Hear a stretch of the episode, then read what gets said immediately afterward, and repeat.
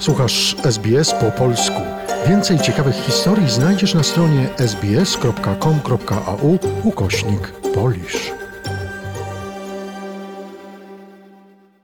Sytuacja na Ukrainie. Aktualne informacje.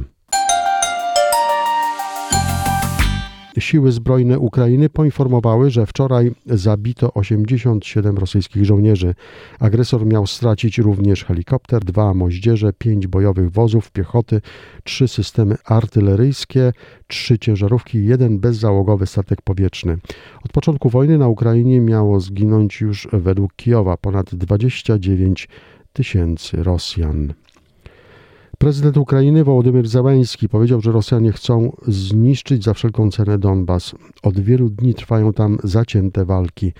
W codziennym wystąpieniu w mediach społecznościowych prezydent podkreślił, że rosyjska armia niszczy miasta w obwodach donieckim i ługańskim. Dokonuje tam też ludobójstwa В містах і громадах ближче до кордону Росії, в Донецьку, в W Луганську. miastach i wsiach obwodu donieckiego i ługańskiego położonych bliżej granicy Rosjanie zabierają kogo tylko mogą, aby zastąpić zabitych i rannych żołnierzy armii okupacyjnej. To wszystko łącznie z deportacją naszych obywateli i masowymi zabójstwami cywilów to oczywista polityka ludobójstwa, jaką prowadzi Rosja. здійснює Росія. Prezydent Ukrainy przypomniał, że podczas czwartkowego ostrzału Charkowa zginęło 9 osób cywilnych, a 19 zostało rannych. Ponowił też apel o zaostrzenie sankcji przeciwko Rosji. Tymczasem doradca burmistrza Mariupola Petro Andruszczenko powiedział, że w mieście może wybuchnąć epidemia.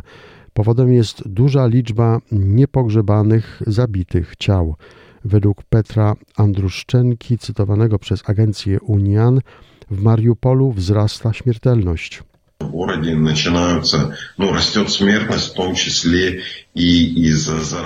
W mieście wzrasta poziom śmiertelności także z powodu zakażeń związanych z sytuacją epidemiologiczną. Oczywiście nie wiemy dokładnie, ile osób umiera. Nie da się tego zweryfikować żadnymi środkami i metodami, ponieważ okupanci nie podają liczby zgonów. Pogrzeby zmarłych odbywają się potajemnie. Materiał opracowano na podstawie doniesień Newsroomu SBS oraz informacyjnej agencji radiowej.